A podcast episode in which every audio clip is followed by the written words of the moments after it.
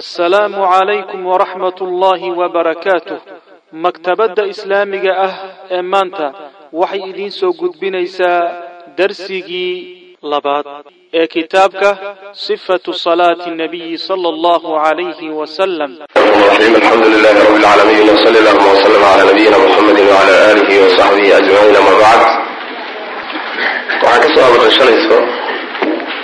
darsigeenigu ku saabsanaa salaada ahmiyadeeda iyo taariku salaadka ruuxa salaada ka tegay ee aan tukanin xukunkiisa. Inagoo sheegnay khulaasada ama ra'yiga xooga badan daliil ahaan inuu yahay taariku salaadku inuu yahay kafir oo uusan muslim ahayn. Adiladeediina waan sheegnay wixii kollay aan ka gaari karnay qaar badanna ka waan ka tagnay salaada ruuxa ka tegay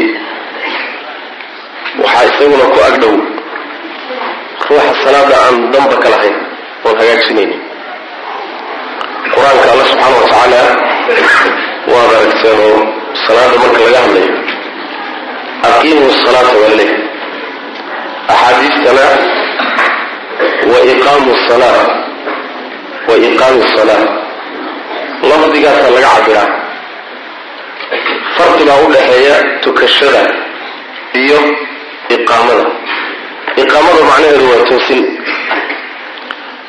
waxaana soo gelaya oo ay wadataa macno ziyaada oo ah salaada in loo tukado sidii ilaahay u jideeyey subxana wa tacaala. Saas daraaddeed salaad sharci a lama yidhaahdo. Sharci ahaan haddayna salaadu toosmayn oo aan loo tukanin si waafaqsan sidii nabigu sal ly wasalam u tukan jiray. Rasuulkeena sal ly wasalam saxaabada ayuu baray salaada salaadda waxaad garan kartaan ahmiyadday leedahay nabiga sal lay waslam malakul jibriil baa u yimid.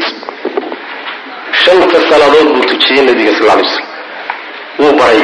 Ficliyan baa loo baray nabiga salawatu rabbi waslamu caleyh awqaadooda iyo qaabka loo tukanayaba nabiguna sal lay wasalam saxaabadiisuu tujiyey weliba sida bukhaari iyo muslim ku yaalla mimbarka ayuu nabigu fuulay sal lay wasalam markaasuu salaada ku tukaday mimbarka markuu sujuudayana wuu soo degahayay markuu salaadiisii dhammaystay buu nabigu uri sal lay wasalam inamaa sanactu hada lita'tamuu bi walitacallamuu salaatii buu nabi uri sal lay slam waxaan saa u yeelay inaad igu dayataan daraaddeed salaadaydana aada barataan.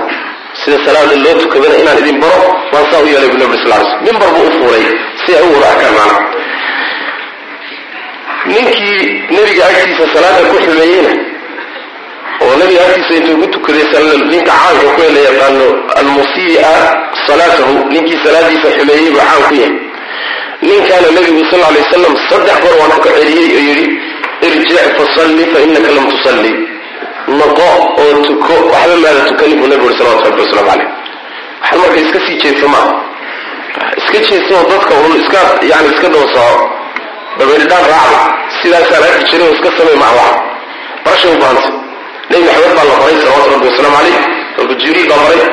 Nebi maxamed asxaabadiisii buu baray salawaatu rabbi wasalaamu caleyh waxa waa in la kala qaato oo lagu toosiyo oo lagu saxo oo wixii aad barato laakiin wadadka umaan iska daba joogahaya socon mayso abu hurayra wuxuu nabiga ka warinaya sal lay slam inuu nabigu yihi ina arajula la yusallii sittiina sana wma tuqbalu lahu salaa lacalahu yutimu rukuuca walaa yutimu sujuud wayutimu sujuuda walaa yutimu rukuuc xadiidkan waxa wariya abulqasim alasbahani sanad xasana sheekh lalbani caleyh raxmat ullah wuu taxsiininaya wuxuu leeyahay nabigu sal lay slam nin baa wuxuu tukanayaa lixdan sano haddana aan hal salaad laga aqbalin lixdan sano aan hal salaad laga aqbalin soo khasaaro ma tacab khasaar soo waa tacab khasaar cimrigiisoo dhan buu tukanaya ilaahayna wuxuu u tegay isagoon hal salaada aynan u oolinayba alla agtii subxana wa tacala waa la khasaaray sababtu maxay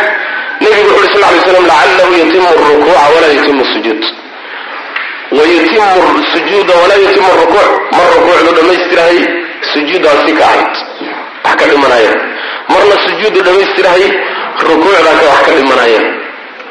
Kadalika arkaantii kalena waa la mid faatixadii buusan macnaha saxayninba. Arkaantii kale uusan saxayninba. Inuu bartana diyaaru maaha saasuu rabaa inuu cimrigiisa ku dhamaysto ilahay kula kulmo subxana wa tacala sidaa marka salaad looga aqbali hal salaad oo saxan oo salaadii nebi maxamed waafaqsanba lamuusan imaanin salawatu rabbi wasalaamu caleyh marka soo nin khasaare maaha marka waa in khasaaraha ruuxu si uga badbaado ilaha isku dayo salaada in la bartaa loo baxaya macnaha saas weeyaan. Waa kaan soo marnay afarkii xudayfat bnulyamaan radia allahu canhu wa waa kaan soo marnay uu dhihi jiray ninkii sujuud iyo rukuucda xumaynayay wuxuu yidhi low midta cala hada midta cala gayri lfitra haddaad sidaa ku dhiman lahayd diin la'aan baad dhiman lahayd buu yidhi. Yani fitradu waa islaamnimada diinta islaamka diin ahayn baad ku dhiman lahayd saasuu leeyay aarkaas xadiid marfuuca oo saas ku soo aroorayba xadiid marfuuca xadiidka abu cabdillahi alashcari baa warinayay waxaana soo saaray tabaraani abu yacla iyo ibnu khusayma soo saaray rasuulku sal alay wasalam ra'aa rajulan laa yutimu rukuucahu wa yanquru fii sujuudihi. Wuxuu arkay nin aan rukuucdiisa dhammaystiraynin oo ku xasilaynin sujuuddana aan wejiga dhulka ku sugaynina intuu ku dhufto kala soo booday. Sida shimbirka iyo cabays oo kale.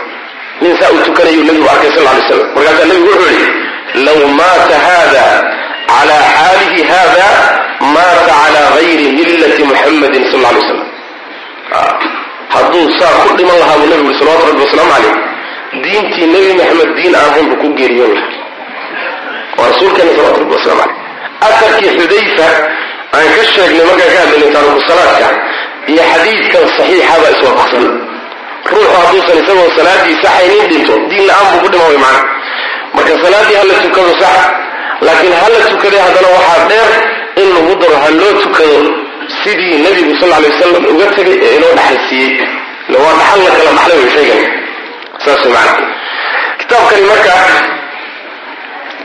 wuxuu ka sheekaynayaa salaada ayuu ku saabsan waxaa iskale kitaabka saan horeyba u sheegnay. Sheekh moxamed naasir iddiin ibnu nuux ibnu aadam ibnu najaati alalbani. Abu cabdiraxmaan baa kunyadiisa ah moxamedna waa magaciisa naasir iddiinna laqabkiisu ahaa. Aabihiina nuux baa la dhihi jiray ibnu aadam. Albaniya ayuu ku dhashay. Albaniya asalkiisu carabi ma albani buu ahaa albaniya ayuu ku dhashay wuxuuna dhashay taariikhda milaadiga markay ahayd kun sagaal boqol iyo afar iyo tobankii ayuu dhashay. Hijiriga waxay waafaqsan tahay kun saddex boqol iyo soddon iyo labadii. Madiine la yidhaahdo ishquudara ishquudara oo markaa caasimad u ahayd albaniya ayuu ku dhashay. Laakiin markii dambe waa laga bedelay oo caasimadii albaniya waa laga wareejiyey lakiin markaa iyada caasimad ahayd sheekhu isaga oo yar markuu albaniya ku dhashay cimrigiisu sagaal jir meelaha u yahay ayaa albaniya waxaa qabsaday nin la odhan jiray axmed zuuqoo nin la odhan jiray. Markaasu wuxuu bilaabay inuu wadankii oo dhan uu isku dayo inuu dhalan gediyo oo nidaamkii reer galbeedka iyo calmaaniyada iyo diin la'aanta inuu wadankii ku dhaqo xijaabkii iyo diintii iyo madaahirtiina inuu la dagaalamo ayuu bilaabay.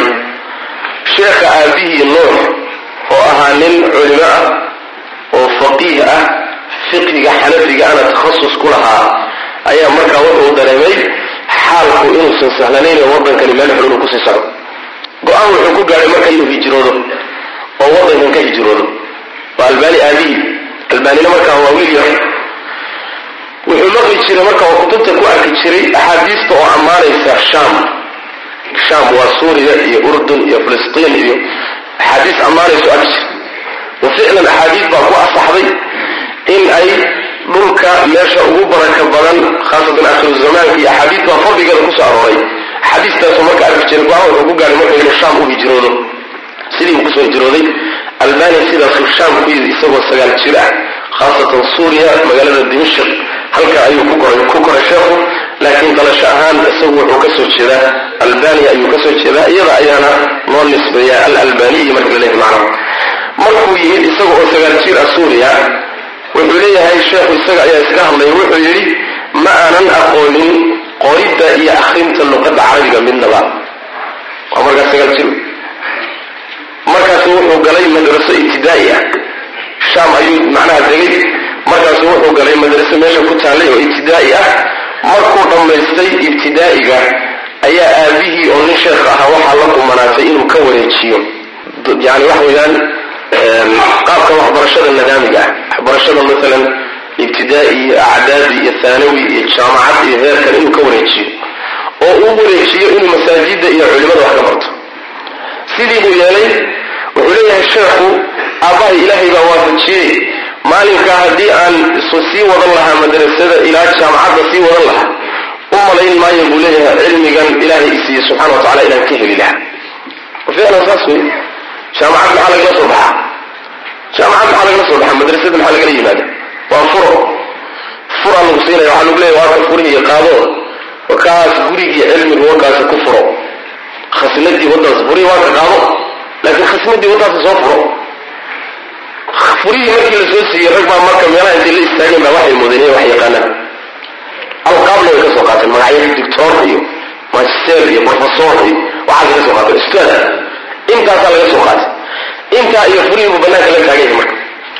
Laakiin khasnadii cilmiga ma dhexgelin ma dhexgelin ficlan sidaas weeyaanoo jaamacadda lagalama yimaado cilmi badan lagalama yimaado laakiin waxaa lagala yimaadaa jaamacaddu inay ku tusto iridihii iyo qaabkii aad u mari lahayd yani cilmiga u mari lahayd. Ninkii markaa kadib furaha iyo asbaabta intuu adeegsado cilmigii dhex gala waa faa'iidaysanaya ninkii laakiin intuu jaamacadda ka soo maqlay uun ku gaabsada kadibna shahaadaduu soo qaatay wadiifo uu ku shaqaysta uun ka dhigtay waa jaahil wax uu kala ogyahay ma jiro doctornimo iyo ustaadnimo iyo profesornimona waxba faa'idayn mayso waxba u kordhin mayso macna saas marka wuxuu leeyahay sheekhu ilaahay baa waafajiyey buu leeyahay aabbahay arrintaa iyada ah almuhim sheekhu markuu madrasa ibtidaa'iya dhameeyey ibtidaa'iga markuu dhameeyey marxalal ibtidaa'iya ayuu ka wareegay. Kadibna wuxuu bilaabay inuu masaajida wax ka barto. Aabihii ayuu ayaa wuxuu ahaa ninkii ugu horreeyey oo cilmiga uu ku dul akriyo ama ka akristo. Wuxuu ka bartay fiqhiga xanafiga ah maxaa yeele xanafiyiin waaye albaaniyiintu waa xanafiyiin suuriyiintuna sidoo kaleeto in badanoo ka mid waa xanafiyiin marka fiqhigii xanafiga ahaa ee aabihii yaqaanay buu wax ka bartay. Cilmiga sarfigana wuu ka bartay. Culimo kale oo markaa joogo masaajidda wax ka akrin jiren waxbuu ka akristay markaa kadibna wuxuu bilaabay inuu la madax banaanaado cilmiga qodobkiisa oo maktabaadka galo. Wuxuuna aad uga faa'iidaystay runtii. Maktabada la yidhaahdo almaktaba aldaahiriya oo dimishaq ku taalla. Waxay ka mid tahay min ashhar wa acmar almaktabaat fi lcaalam baa la yidhahda adduunka oo dhan maktabaadka ugu mid waa maktaba taariikhiya. Wakti dheer baa la asaasay oo waxaa yaalla makhtuuطaat iyo cilmiga ayaa ka buuxa. Sheekh albani caleyh raxmatullah meeshaasaa ilaahi subxana wa tacala u sahlay maktabada inuu dhex galo. Cilmigiisana ku qaato. Xataa waxa uu leeyahay sheekhu fahraska kutubta lagu baaray maktabadu ay leedahay anaa dejiye buu leeyahy sheekhu markii dambe ee uu gaadhay macna maktabadaasu aad uga faa'iidaystay. Markii dambena jaamaca alislaamiya oo madiine ku taalla ayuu macallin ka noqday oo halkaasaa loogu yeedhay saddex sano ayuu macallin ka ahaa.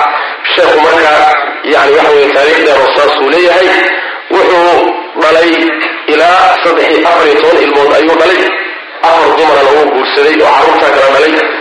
Taqriiban sheekha waxaad garan kartaan juhdigiisa iyo dadaalkiisa ilaahay subxaana wa tacaala siduu u barakeeyey.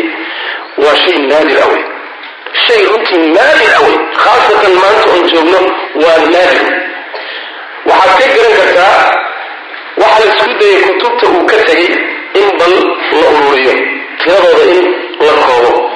Majallatul asaala majallada la yidhaahdo oo laba cadad oo isku xiga cadadka kow iyo labaatanaad iyo cadadka labiyo labaatanaad ardadii sheekh waa isku dayeen kutubtiisa bal inay magacyadooda sheegaan waxay gaadhsiiyeen laba boqol iyo siddeed iyo toban kitaab.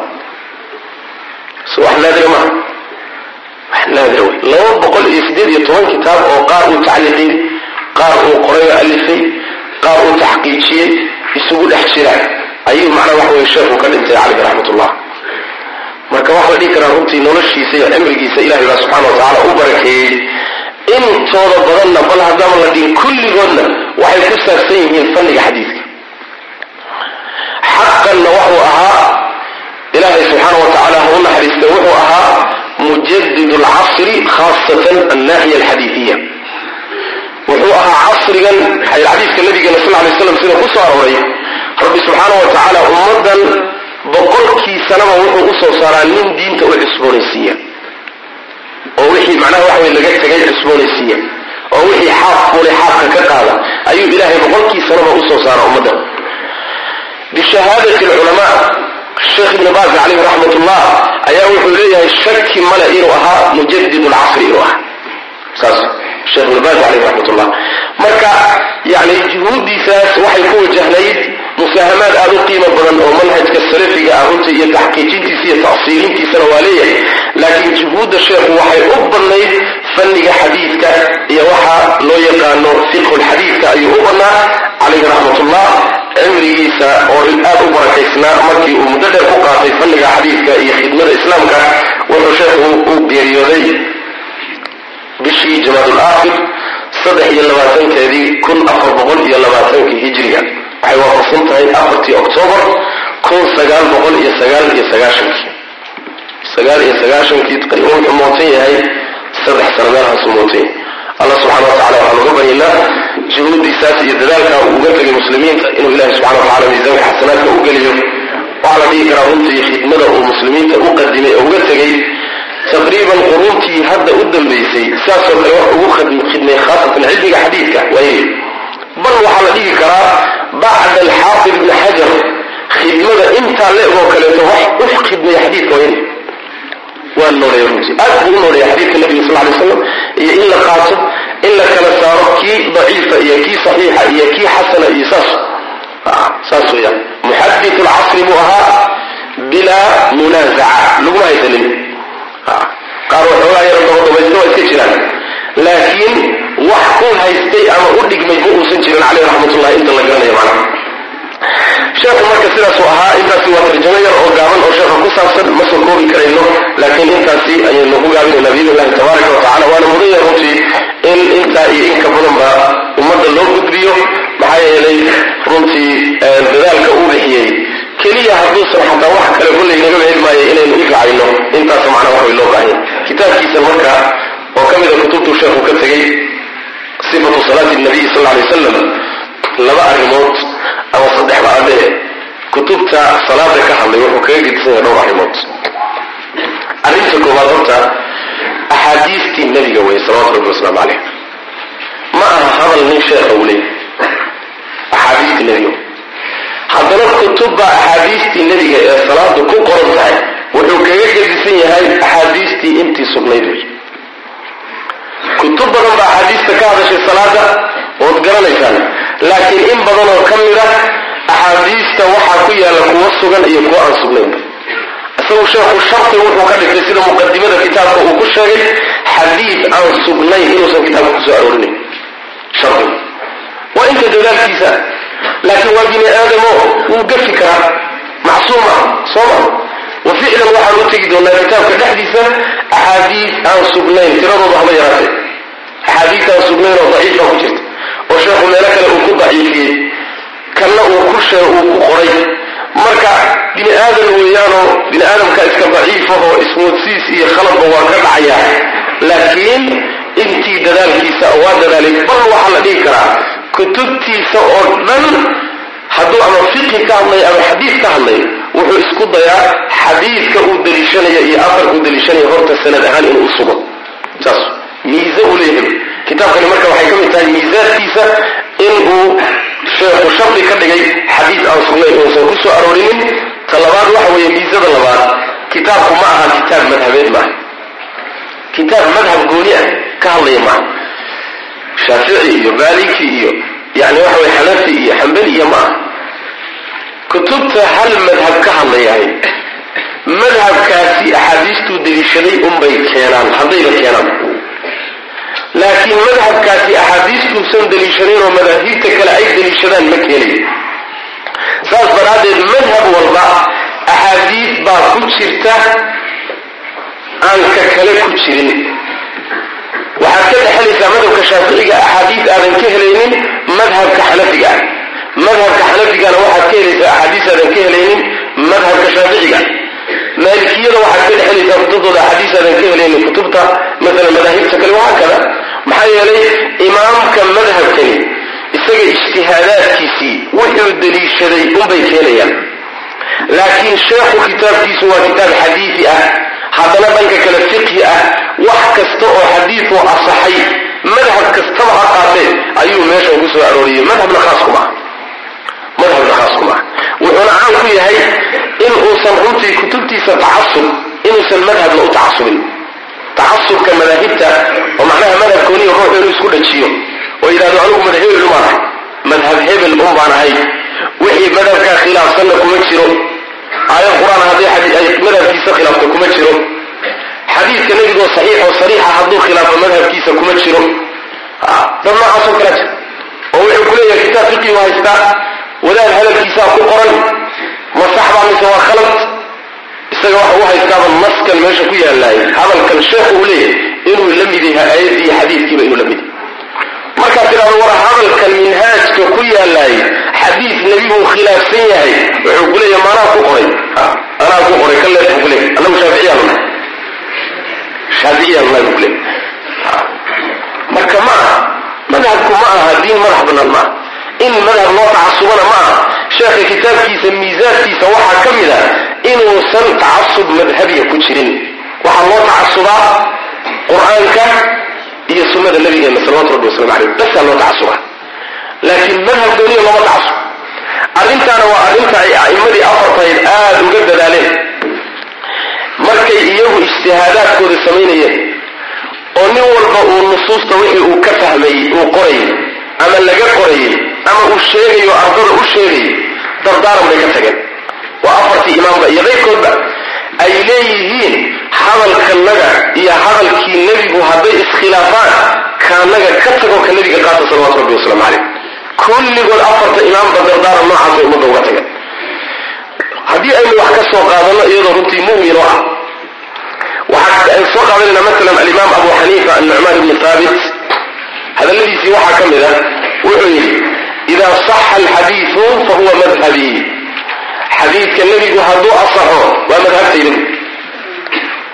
hadalkaasi waa hadal afarta imaamba ay mareen xadiidka nebigu hadduu sugnaado saasaa ii madhab ah madhab kale melihi waxaa ka mid a hadalladiisa alimaam abu xaniifa caleyh raxmat ullah xaraamun cala man lam yacrif daliilii an yuftiya bikalaamii ninkaan garanaynin daliilkayga inuu hadalkayga fatwoodo oo dadka u sheego muxuu yidhi fainaa basharun naqulu lqawla alyawm wanarjicu canhu hadaa maxaa yeelay bini aadam baan nahay bashar baan nahay hadal baan maanta dhahaynaa berrina waan ka noqonayna kaan nidina saa damba inaan ka noqonnaa laga yaabo. Maxaa yeelay sidaan u nidhi daliilkii mid ka xoog badan inaan laga yaabo. Daliil naga qarsoonaa inaan hellaan laga yaabo saas daraaddeed ninkii doonaya hadalkayga inuu dadka u sheego waa inaad horta garato daliilka aan ku saleeyey iyo aayaddan ka qaatay iyo xadiidkan ka qaatay. Ninkii doonaya inuu minhaajka akriyo waa inaad garato xaggee buu ka soo qaatay imaamu nawowi soo saas ma aayadee buu ku salaysan yahay xadiidkee buuse ku salaysan yahay ma qiyaas buu ku salaysan yahay ma ijmaac bay masaladu ku salaysan tahay. Ninkaan garanaynin daliilkow ha akrininadaa haddii kale daliile oo masalada naskeedii saa alimaam abu xaniifa caleyh raxmatullahi saasu le hadalladiisa waxaa ka mid ah wayxaka yaa yacquub. Yacquubku waa abu yuusuf ardaygiisii. Wayxaka yaa yacquub laa taktub kula ma tasmacu minii fainii qad ara alra'ya alyawm waatrukhu hada wa ara alra'ya hadan waatrukhu bacda hadin wuxuu yidhi yacquubow war yacqub wayxaka yacquubow ha iga qorin buri wax kastood iga maqasho ha iga qorin waa ardaygiisa waxaan ku hadlo oo ha qori. Maxaa yeelay maanta inuu ra'yi ila qumanaada laga yaabaa oon berrita ka tago. Kii berrita aan haystayna saa damba inaan ka taga jihaad isbedbedelayo sooma soo qowluljadiid iyo qowlulqadiim ma leh. Qowluljadiid iyo qowlulqadiim markuu ciraaq joogay qowl buu lahaa. Markuu masar yidoo cilmigiisii kordhayna qowl buu lahaa kii ka gedisan? Waa hal imaam oo ra'yigiisii iskhilaafayo maantaan ra'yi leenahay berrina waa isbedelaynaa ee daliilka aada annaga ra'yiga annaga waxaa ku dhisina way macna saas wey macnaa alimaam abu xaniifa caleyh raxmatullah hadalladaasoo dhan abu xaniifa iskale waxaa ka a imaam maalik caleyh raxmatullah imaamkii labaad ah wuxuu leeya imaamu maalik caleyh raxmatullah inaa inamaa ana basharun ukhطi'u wa usiib fanduruu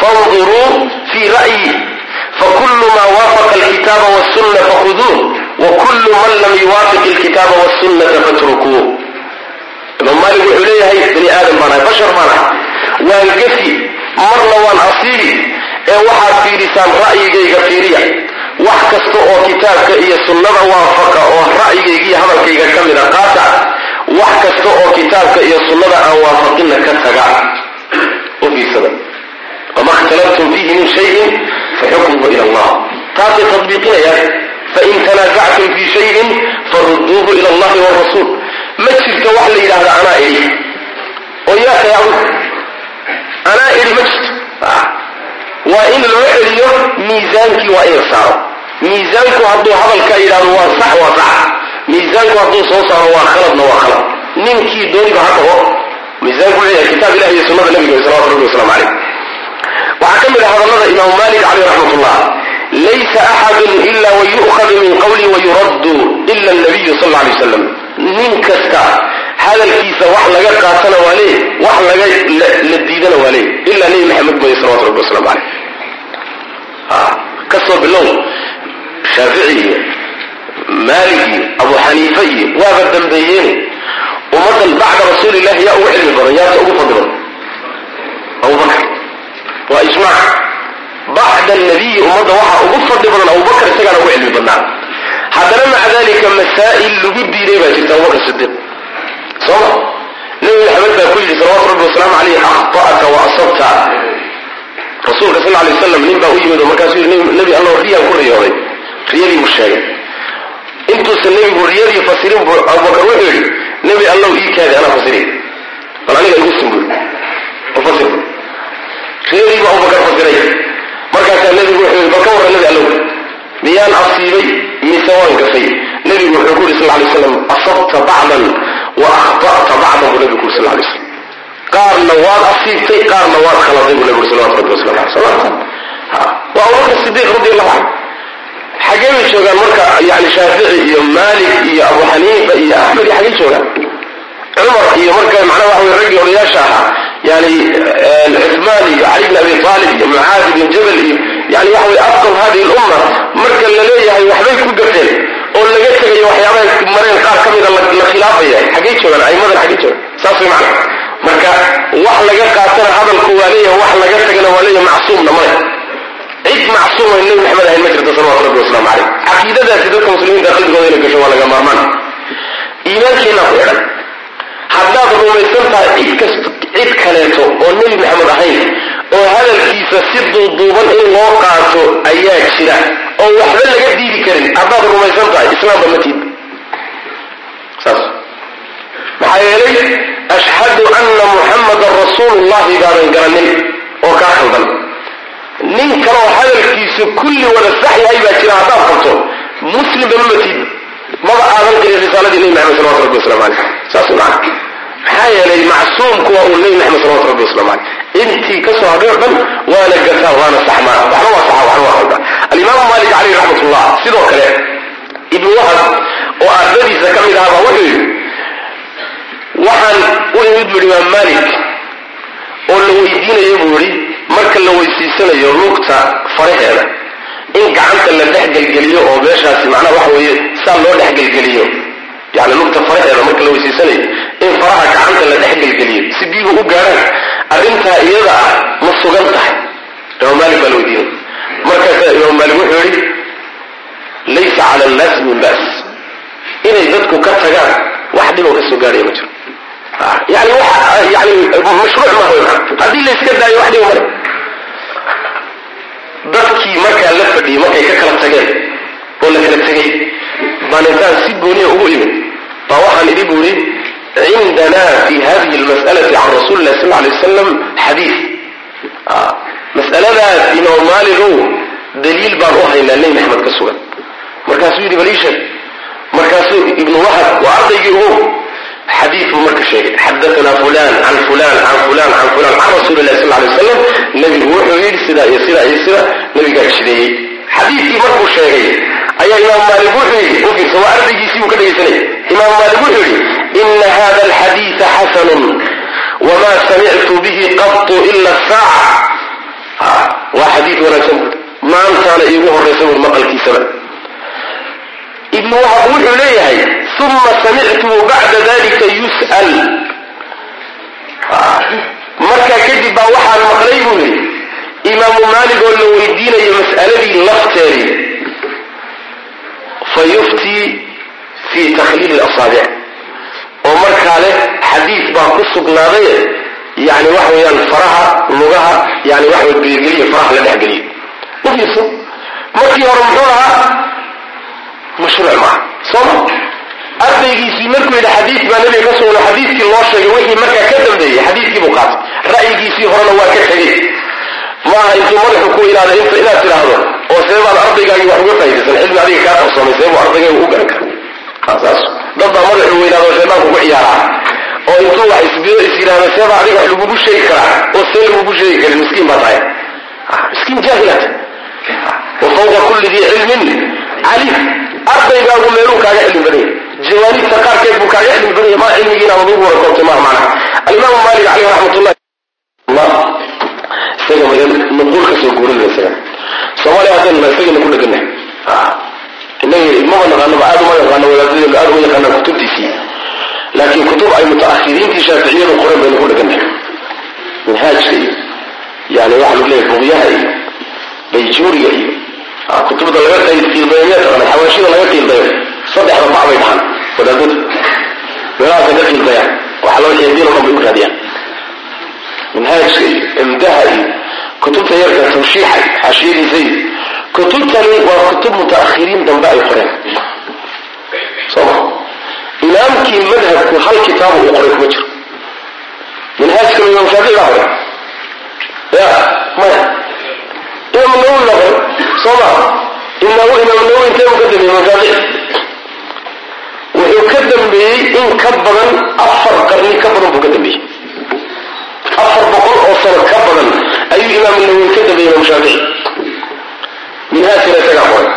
Soomaalina waxay u haysataa minhaajka iskale minhaajka wixii laga waayo diin ma aha. Saas taga wadaadadii alimaamu shaafici caleyh raxmatullahi kutubtiisii hayaan. Kitaabu risaala yaalla. Al-um baa yaalla. Waxaa yaalla kitaabkiisii kale macnaa waxa weye ikhtilaaf alxadiis baa yaalla. Kutubtii imaamka wadaadadu hayaan laakiin kaa mutaakhir uu qoray oo dambe ayaa madhabkiiba laga hayo xataa minhaajka mudawalaadkiisii laga soo gaabiyey lama hayo. Madhabka kutubtiisii dheerdheereed xataa lama hayo. Markaasaa meesha waxaa laga lala fadhiya. Minhaajka wixii khilaafada diin maa halkaasa la taagay walimaamu shaafici caleyh raxmatullahi barnaamijkiisa dhegeysan alimaamu shaafici caleyh raxmatullah hadaladiisa waxaa ka mid a ma min axadin ila watadhabu calayhi sunnatu lirasuli illahi sal canh famahma qultu min qawlin aw asaltu min aslin fiihi can rasuli illahi sal lay slam khilaafu ma qultu falqawlu ma qaala rasulu llahi sal lay slam wahuwa qawlii wuxuu leeyahay axad ma jiro ilaa hadduu jiro sunnada nebiga qaar ka mida ka tegaya oo ka qarsoomaya oo uu garan waayo hadal kasta oo dhaho iyo qaacido kasta oon asaleeyo oo aan yani saleeyo haddii ay sunnadii nebiga khilaafsan tahay wuxuu yidhi hadalka la qaadanayaayo waa hadalkii nebi maxamed hadalkaygiiyo qowlkayguna waa kaas kii aan idhi waan ka noqday kaa nebi maxamed ee kayga khilaafsan baan maray ee ka hadla qaata buu le imaamu shaafici caleyh raxmatullah. Afarka xaakim baa soo saaray waxaa ka mid a hadallada imaamu shaafici caleyh raxmatullah ajmaca almuslimuuna cala ana man istabaana lahu sunnatun can rasuli illahi sal lay slam lam yaxila lahu an yadacaha liqowli axad muslimiintu waxay isku waafaqeen. Ciddii ay sunnada nebigu u caddaato inaysan u bannaanayn inuu ka tago sunnadii nebiga nin kale hadalkii dartii inuu ka tago waa ijmaac bule. Waa laisla ogolya sunnadii nebiga haddii lagu hor keeno inaad uga tagto shaaficiyadu ma qabto waa xaaraam. Xanafiyadu ma qabto inaad uga tagto waa xaaraam. Inaad uga tagto maalikiyadu ma qabto waa xaaraam. Maanaan arki jirin oo maanaan aqoon jirin inaad uga tagtaayo waa xaaraam. Sidaasuu le imaamu shaafici ka nebiga haddayba sugnaato sunnada nebigu sal lay slam qaata ayuu leey waxaa ka mid ah hadalladiisa kullu mas'alatin saxa fiiha alkhabaru can rasuuli lahi sal lay slam cinda ahli lnaqli bikhilaafi ma qultu faana raajicun canha fi xayaatii wa bacda mawtii wuxuu leeyahay mas'alo kasta oo xadiid nebi ku asaxay culimada xadiidka yaqaanana agtooda oo xadiidku ka asaxay waxaan anigu idhina khilaafsan oo garamarsan waan ka noqday buu yidhi hadalkayga intaan noolahay hadday isoo gaadhana waan ka noqon haddaan dhintana dhimashadayda kadib waan ka laabtay oo ogaada buu kadib xadiid nebi oo hadalkayga khilaafsan hadduu soo baxo gadaashayda iyo geeridayda kadib waan ka laabtay dardaarankaasuu dardaarmay. Alimaamu shaafici caleyh raxmat ullah waxaa ka mid ah hadalladiisa ida ra'aytumuunii aquulu qawlan waqad saxa can nabiyi sal lay slam khilaafuhu faaclamuu ana caqlii qad dahab haddaad aragtaan xadiid nebi oo asaxay anigoo garab maray oo hadalkaygii garab marsan yahay haddaad aragtaan waxaad ogaataan caqligaygii ma jooge waa tegey caqli meligi markaa. Sunnadii nebigoo asaxday anigoo garab maray haddaad i aragtaan oo khilaafay caqligaygii waa tegayo markaa ogaada buley alimaamu shaafici caleyh raxmatullah ninbuu xadiid u sheegay. Markaasu wuxuu ku yidhi xadiidkan waa asaxay adugu maxaad ka leedahay bu shaafici adugu maxaad ka leedahay xadiidka asax markaasu wuxuu yidhi ma xadiid nebi maxamed ka asaxay baad ileedahay maxaad ka leedahay maxaan ka dhiraa ma waxaad ii malaynaysaa buuri inaan waan lahay ama aan nasraani gaal ahay ma gaal baad ii malayn buuri mise wax waala baad moodaysa markaad ileedahay xadiiskii nebigu asaxay maxaad adiga kaala quman ma maxaa kaala quman baa meesha taala xadiis nebigaad u asax ya maxaa kaala quman ma taalo nin caqli la'aana ama diin la'aana unbaa maxaa kaala uma yidhahda xadiiska nabiga salawatu rabbi waslamu caleyh alimaamu shaafici caleyh raxmatullah hadalladaasi waa kuwiisii kullu xadiidin can nabiy sal lay slam fahuwa qawlii wain lam tasmacuuhu minii hadal kasta xadiid walboo nebi maxamed ka asaxay waa qowlkayga iyo madhabkayga weye haba iga maqlinba habaydaan iga maql xataa. Inaad iga maqashaan muhiim hadduuba xadiidku nabiga ka asaxo waa madhabkayga haddaad doontaan haba iga maqlin eh saasuu le imaamu shaafici caleyh raxmatullah waa aqwaashiisii weye alimaamu axmed baa inoo laabana imaamkii aimada ugu dambeeyey. Wuxuu leeya imaam axmed isaguna laa tuqallidnii wala tuqallid malikan wala shaaficiya wala alawsaaciya wala thawriya walkhud min xaysu akhadu aniga hay taqliidinu daliil la'aan ha iska ka daliil la'aan ha raaci shaaficina daliil la'aan ha raaci awsaaci iyo thawrina daliil la'aan ha raacin ee waxaad ka qaadataa axkaamta meeshay ka qaateen. Oo xaggay ka qaateen xadiidka nebiga iyo aayadda qur'aankay ka qaateen. Meesha aad buu ley imaamu axmed caleyh raxmatullah. Waxaa ka mid ah hadalladiisa ra'yu lawsaaciyi wa ra'yu malikin wa ra'yu abi xaniifa kulluhu ra'yun wa huwa cindii sawa wa inama alxujatu fi laaaar awsaaci malik abu xaniifa kulli ra'yigoodu waa un ra'yi xujada iyo daliilku waa aahaarta waa axaadiista nabiga ka salawatu rabbi wasalaamu caleyh taasaa xuja. Amaa hebel baa yidhi sheekh hebel baa yidhi si kastaba ha u weynaadee hadda waxa weeyaan hadalkiisu xuja ma aha. Alimaamu axmed caleyh raxmatullah sidaasuu isaguna hadalladiisa ayuu macnaa waxa weeye tarbiyada ardadooda ay bareen. Tarbiyada ardadoodii ay bareen oo ah haddii xadiiska nebiga dadaalkanaga iyo ijtihaadkanagu garab maro ijtihaadkanaga iyo qowlkanaga tuura xadiidka nebigana qaata sidaasay ardadoodii ku tageen saas daraaddeed abu xaniifa ardadiisa laba nin baa ugu caansan. Labada nin oo ugu caansan waa moxamed ibn xasan iyo abu yuusuf. Labada nin baa ugu caansan. Madhabka xanafiga haddii la yidhahdo shaykhayn haddii la yidhahdo waa labada nin baa laga wadaa. Waxay leeyihiin culimmada xanafiyadu waxay ku khilaafeen abu xaniifa madhabka marka loo dhigo saddex meelood loo dhiga laba meelood bay ku khilaafeen laba meelood oo madhabka ka mida abu xaniifa oo sheekhoodii bay ku khilaafeen. Ya oo sheekhiina maxaad u khilaafaysaan? Waxay u khilaafayaan isagaa baray. Sooma isagaa baray oo ku yidhi haddii nasku ikhilaafo ikhlaafa tarbiyadiisii bay qaadanayaan sooma saas weya alimaamu shaafici calayhi raxmatullah ardadiisii madhabka shaaficiga raggii u khidmeeyey. In badan oo masaa-ishii imaamku ku tegay qaar ka miday ku khilaafeen.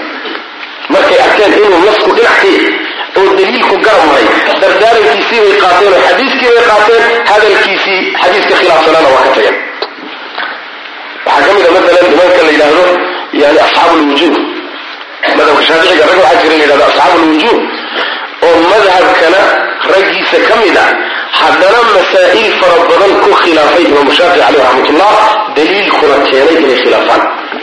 Sida maxamed bin jariir tobari iyo maxamed ibn masri iyo ibn khusayma iyo ibn lmundir iyo rag badan baa jira bal alimaamu nawowi calayhi raxmat ullah imaamu nawowiga mutaakhirka ah kutubtiisa khaasata kitaabkiisa almajmuuc sharx lmuhadabka masaa'il fara badan ayuu madhabka ku khilaafaya. Masaaishu ku khilaafaya waxaa ka mid ah mas'alada masalan tusaale haddaan idin siiyo masalada masalan hilibka geel weysada ma jabiya kutubta fiqiga maxaan ku aragnay ma jabiyo sooma laakiin axaadiista nebigu waxay leedahay waa jabiyaan imaamu shaafici xadiidkaasoo saxiix muslim ku yaalla wuxuu yidhi xadiidku hadduu asaxo sixadiisaan ka shakisnahay hadduu asaxo waa madhabkayga. Buy alimaamu lbayhaqi calayhi raxmatullah oo muxadisiinta madhabka ka mid ah ayaa wuxuu yidhi xadiidku waa asaxay saxiixu muslim buuna ku yaallaa madhabkii shaaficina warkaasu yidhi soo qaacidadii hadda inay soo baray maahayn madhabkaygu waa xadiidka soo maahay. Xadiidkuna waa asaxay madhabkii shaafici weyan alimaamu nawowi wuxuu yidhi isaguna sawaabku waxa weeyaan hilibka geelu inuu waysada jabiyo wadaadadeennina maxay yidhahdeen? Wadaadadeennii xadiiska dhanbasa u inkiraa waxay dhaheen ma ahe nebigu hadalka markuu lahaa nin baa meesha neefi kaga timid bay dhaheen marka nin baa loo ceebqarinhayay nin baa loo ceebqarinayo dadka weysaysta saasaa loo yidhi. War warkaasi war jira maaha wadaadow warkaasi war jira ma aha xadiiska nebigana sidaas rakiisnimada noocaasa laguma diido. Saas marka a'immadu ardadoodii saasay bareen dardaarankaa dhaxalka abay ka tageen aayad qur'aana iyo xadiid ha la aaday dhaheen daliil weydii ninkii wax kuu sheega. Tanaa loo bahay? Ma inaad tidhaahdo uun sheekhay muxuu yidhi kitaabkaasi ku taalla hadduu tidhahdo maxaa daliil a weydii? Ilan ummatu daliil baynu nahay. Ma ummad macnaha falsafo ma nihin ummatulfalsafa ma nihin caqliyaadii ragna macnaha laynagu maamuli maayo laakiin waxaa laynagu maamulayaa qaala allahu wa qaala rasuuluhu salawatu rabbi wasalam taas ayna qanaysa taasaa loodoogaayo marka in istaago rag markaasay kala baxaysaa ninka wax garanaya ninkaan wax garanayna markaasay kala xadaanaysa ila nin walba kitaab wuu laqmayn karaa sooma kitaab waa la laqmayn karaa carabiga ninkii garanaya kitaab waa laqmayn karaa sooma laakiin meesha balaayadu ka dhacday waxa weeye markaad tidhahdo mas'aladan tafsiiliyo sheekhow daliilkay ku fadhidaa daliilka waayaha dambe waan koonsuray daliilka waayaha dambe wadaadadii waa dhigtay wadaadadii waa dhigsadeen daliilkeenka waayaha dambe waa dhigsadeen saas diinta waa in daliilka wax la weydiiyo oo aayad qur'aan ama ku fadhiisiyo ama xadiis nabi ku fadhiisiyo salawaatu rabbi wasalam caleyh maxaa yeelay yani ma aqbali karno waxaan aayad iyo xadiis ahayn iyo adilada muctabarka hebel baa yidhi nasma. Intaa markaan intaa kaga gudubno gadaal dambe markaa a'immadii laga yimid oo madaahibtii ay runtii waxa weeyaan badatay oo ay noqotay laga fogaaday runtii nusuustii qur'aankii iyo sunnadii laga fogaaday oo ay soo baxeen kutubtan fiqhiga ehe keliya ta'aaraada mujaradka ah. Bal waxaad idinku u fiirsataan kutubtii fiqhiga ay salafku qoreen iyo muta'akhiriintu kutubta fiqhiga ay qoreen bal u marka ugu horraysa farqiga ugu horreeya dareemaysaa waxa weeye kutubtii salafku ay qoreen ee fiqhiga ah daliilkaa saaran ra'yigiisa markuu sheego daliilku daba dhigay kutubtan dambe ee muta'akhiriinta ee fiqhigana waa aaraadii oo mujarad ah. Wuxuu ku leeyahay alabhar aldaahir alasax alsaxiix hadal unbasow laakiin marnaba ku arki maysid rasuul aayadaasa daliilu axaadiiskaasa daliila kutubtaasi markay soo baxeen oo la sii kala tafriixiyo midba mid ka sii dabaqabtay oo sii socotay markii dambe tacasubka madhabku wuxuu gaadhay in xataa loo ictiqaadiyo afarta madhabood inay afar diinood yihiin afar diinood caamada hadda hadaad weydiiso war afarta madhabood maxay kala afar diinood bay u kala haystaan afar diinood oo kala madax baan shaqa isku lahayd haddaad tidhaahdo isagoo madhabka shaaficiga aad tidhahdo shaafici bu maqli jiray shaaficiyaan nahayba yaa afka loo geliyey intaasuu xifdisan yahay shaafici baan haddaad ku tidhaahdo maalik baa qaba war maalik soo kii diinta kala haystay maa ku dhihi maa ilaa heer xataa waxay gaadhay ragga kutubta fiqiga iyo xawaashida qoraya. Inay qoraan xataa inuusan ninka shaaficigii ku daba xidhan karaynin xanafiga xanafigana shaafici gadaashii inayna salaadii kaga asaxay ilaa heerkaasay ilaa heer waxay gaadhay xaramka iyo madiina masjidkii nabiga sal lay slam oo ka dhexeeyey madaahibta. Inuu madhab walba markiisa tukado oo waktigiisa intuu aadaamo waktigiisa aqimto oo uu gado salaada gooni u tukado. Ilaa heer waxay gaadhay ay xanafiyadu yidhaahdaan gabadh xanafiyad ah nin shaaficii ma guursan karo ma gayo laakiin naagta ahlulkitaabka ah yahuudiyadda ama nasraaniyadda wuu guursan karaa ninka xanafiga ah laakiin gabadh shaaficiyada ma guursan karo. Waxaasaa kunta ku yahay tacasubkii madaahibtiisu u socda markadab xagee gaadhay diimo aan shaqo isku lahayn oo yahuudiyadiiyo xataa nasraaniyadu ka sokaysa laga dhigay halkaasay marka gaadhay maxaa loo baahanya marka waxaa loo baahan yahay in mas'alada lagu celiyo meeshii marka hore. Gato sooma yani jid weyn baa marka hore sooma jid yaroo dhuuban baa laga leexiyey. Jidkii ku kale laga sii leexiyey. Ku kaloo dhuuban baa ka sii leexday. Wadagoodin wadagoodin ka leexato may noqotay maxaa loo baahanya marka wadadii in dib loo soo celiyo oo dib loo soo celiyo oo dib loo soo celiyo wadadii weynayd laysugu keeno oo qaala allahu iyo qaala rasuuluha salawatu rabbi waslamu caleyh saas wailaa kutubtan fiqiga meesha lala fadfadhiyo ee daliil la'aanta ah ayagoo culimmadii khidmeeyey oo dadaalay ilaahayna miisaanka xasanaadka u geliyay dadaalkay bixiye nusuusta waxay ka fahmeen bay noo soo gudbiyeen. Haddana hadalkooda in laga dhigo xujo ma aha hadalkooda in macsuum laga dhiga ma aha hadalkooda in xadiidka iyo aayadda lagaga hortago lagu caarido ma aha. Taas ayaa laga maarmaana inaan fahno maxaa yeele rabbigan subxana wa tacala wuxuu yidhi falaa warabbika laa yu'minuuna xataa yuxakimuuka fima shajara baynahum uma laa yajiduu fii anfusihim xaraja mima qadayta wayusallimuu tasliima ummaddu ilaa ay nebi maxamed xaakim ka dhigato waxa kaloo dhan ay ka tagaan iimaan male. Oo weliba wuxuu xukumo ayuu hogaansama cidhiidii qalbigana ayna ka dareemin falyaxdar aladiina yukhaalifuuna can amrihi an tusiibahum fitnatun aw yusiibahum cadaabun aliim ha ka digdoonaadeen ha iska jireen kuwa amarka nebiga khilaafayahay in ay asiibto fitna inay asiibto. Ama cadaab xanuun badan inuu asiibo. Haddii sunnada nebiga lagugu kari waayo oo axaadiistiisa lagugu kari waayo laa shaka fitna ugu dhacaysa kow fitnada koobaad ee ku asiibaysana waa bidco bidcaduna shirki bay kuu jiidi iyo diin la'aan iyo khaatimo xumay kuu jiidi marka sunnada nabiga qaniino gows dambeedka ku qari cabduu calayha binnawaajib gows dambeedka geliya sunnada nebiga salawaatu rabbi wasalaamu caleyh oo nin kale iyo hasi nin kale iyo hadalka nebi maxamed yuusan idiin sinaanin salawatu rabbi wasalaamu caleyh baa yidhi haddii lagu yidhaha cala alra'si walcayn war kama yaallo xor radi allahu canhu hadalkiisi baa u jiray an tanzila calaykum xijaaratun min asama waxaan ka cabsan buu yihi dhagaxyaan in samada laydinkaga soo deji inay samada idinkaga soo degto dhagaxyaan oo ilaahay dhagaxyaan idinku garaacaan ka cabsan oo laydin ciqaabo maxaa yeelay aquulu lakum qaala rasuulu llahi sala allahu alayhi wasalam wataquluuna qaala abu bakrin wa cumar waxaan idin leeyahay nebi maxamed baa yidhi idinkuna waxaad ila daba joogtaan abubakar baa yidhi iyo cumar baa yidhi oo fiirsada masayrkaasaa la galay ruuxa muslimkaa yidhi ruuxa iimaan kale waa inuu ka masayro nebi maxamed baa nin la garab dhigay salawatu rabbi waslamu caleyh waa inaad ka xumaato ood ka xanaaqdo oo sida cabdullahi ibnu cabbaas oo kaleeto warnimada ciqaab baan idinka cabsanaya cadaab alle nebi maxamed baan yidhi baan idin leedahay nebi maxamed baa yidhi idinkuna waxaad leedihin shaafici baa yidhi imaamu nawowi baa yidhi raafici baa yidhi fulaan baa yidhi abu xaniif baa yidhi maalik baa yidhi meesha ku haysa. Wax kara mehe kala daayo oo hadalka rasuulka qaata salawaatu rabbi wasalaamu calayh marka madaahibta wixii daliilka waafaqsanna waa sax oo nas leh ama qawaacidda shareecada waafaqsan wixii kalena waa ijtihaad gaf ah ijtihaadka khaladka ana ninkii ku khaldamayna waa ma'juur insha allahu tacaala. Xadiidkii nabigeena sal lay wasalam ida ijtahada alxaakimu faasaaba falahu ajraan waida ijtahada faakطa'a falahu ajrun hadduu mujtahid dadaalo xaakimka oo uu gafo hal ajir buu leey hadduu saxana oo asiibana wuxuu leey laba ajir buu leey marka culimadu iyagu waa dadaaleen oo ninkii khaldamayna ajir buu leeya dadaalkiisiibuu ajir ku leeya khaladka kuma laha. Ninkii asiibayna laba ajir buu leey laakiin kaas halka ajir ku helay dadaalkiisii laakiin khaldamay oo natiijadu gaaray ay khalad ka noqotay ka daba socda ee ijtihaadkiisii khaldanaa ku daba joogaay isagu ma'juur ma ahe waa ma'zuur ma'juur ma ahe waa ma'zuur waa dambiile ninkani wuxuu ajir ku helay dadaalkiisa khada'anna umuna kasta adiga laakiin khadi oo ku daba joogo taqliidinayo u tacasubayo u dagaalamayahay ma'juur ma tihide ma'zuur baa tao dambiilaa tahay.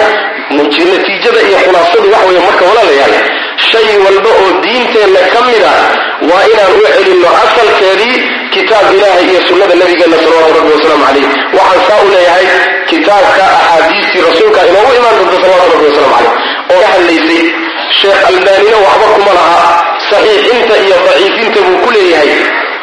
Saxiixinta iyo daciifinta oo ijtihaad iyo culimadii uu ka soo gurinayo ku leeyahay. Waa xadiiskii nabigeena salawatu kutubtii asalkaa laynoo celinaya saxiix bukhaari saxiixu muslim sunankii arbacada ahaa masaaniida maxaajimta yani kuwaasaa dib leegma adiga oo waxaad ka dhigan tahay nebi maxamed ka dhagaysanayo kale salawatu rabbi wasalaamu caleyh saas daraaddeed buu sheekhu wuxuu ku magacaabay kaannaka taraaha.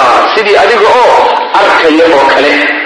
Sidii adigoo arkayo kale. Maana waa xadiiskii nabigeena salawatu rabbi wasalaamu caleyh intaas labadaa darsi oo runtii aan aad u jeclaystay inay muqadimo noqdaan si bal macaalimtii lagu kala cadaato oon isleeyahayba runtii duruus fara badan ayaga ka muhiimsan ayaan insha allahu tacaala kitaabka muqadimo uga dhigaynaa wixii ka dhameeyana kitaabkayna kuna geli doonaa biidn illahi tabaraka wa tacala hada wabillahi tawfiq wsala allahu wasalam cala nabiyina muxamedin wcala alihi wasaxbihi wasalam الرحيم الحمد لله رب العالمين وصلى اللهم وسلم على نبينا محمد وعلى آله وصحبه أجمعين أما بعد